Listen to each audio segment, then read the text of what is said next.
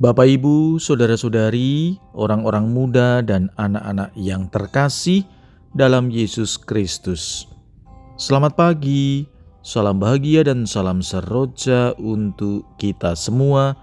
Berkah dalam bersama dengan saya, Romo Antonius Garbito Pambuaji, menyampaikan salam dan berkat Allah yang Maha Kuasa dalam nama Bapa dan Putra dan Roh Kudus. Amin. Hari ini Sabtu 10 Oktober dalam pekan biasa ke-27. Bacaan pertama dalam liturgi hari ini diambil dari surat Rasul Paulus kepada jemaat di Galatia bab 3 ayat 22 sampai dengan 29. Bacaan Injil diambil dari Injil Lukas bab 11 ayat 27 sampai dengan 28.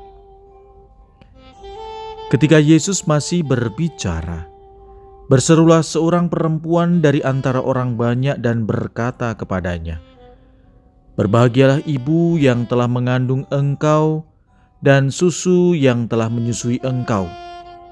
Tetapi ia berkata, "Yang berbahagia ialah mereka yang mendengarkan firman Allah dan yang memeliharanya."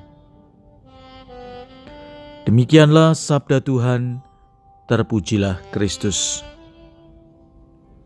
Saudara-saudari yang terkasih dalam Tuhan Yesus, sering kali yang menjadi ukuran kebahagiaan seseorang adalah ketika segala apa yang kita butuhkan dapat terpenuhi, atau ketika doa yang kita mohon dikabulkan, dan atau pula ketika segala sesuatu berjalan sesuai dengan ekspektasi kita dan lain-lain.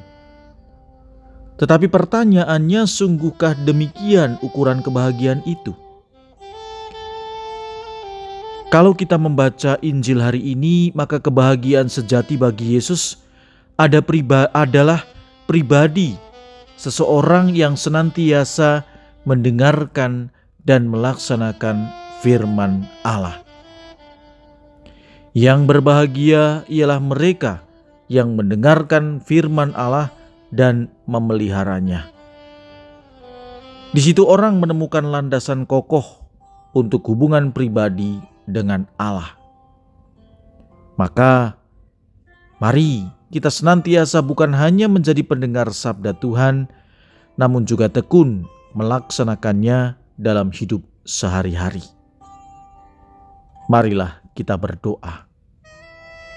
Ya Tuhan, Semoga kami selalu menjadi pribadi yang mengembirakan orang lain, karena kami juga ikut ambil bagian dalam melaksanakan sabdamu dalam hidup kami. Berkat Allah yang Maha Kuasa, dalam nama Bapa dan Putra dan Roh Kudus. Amin.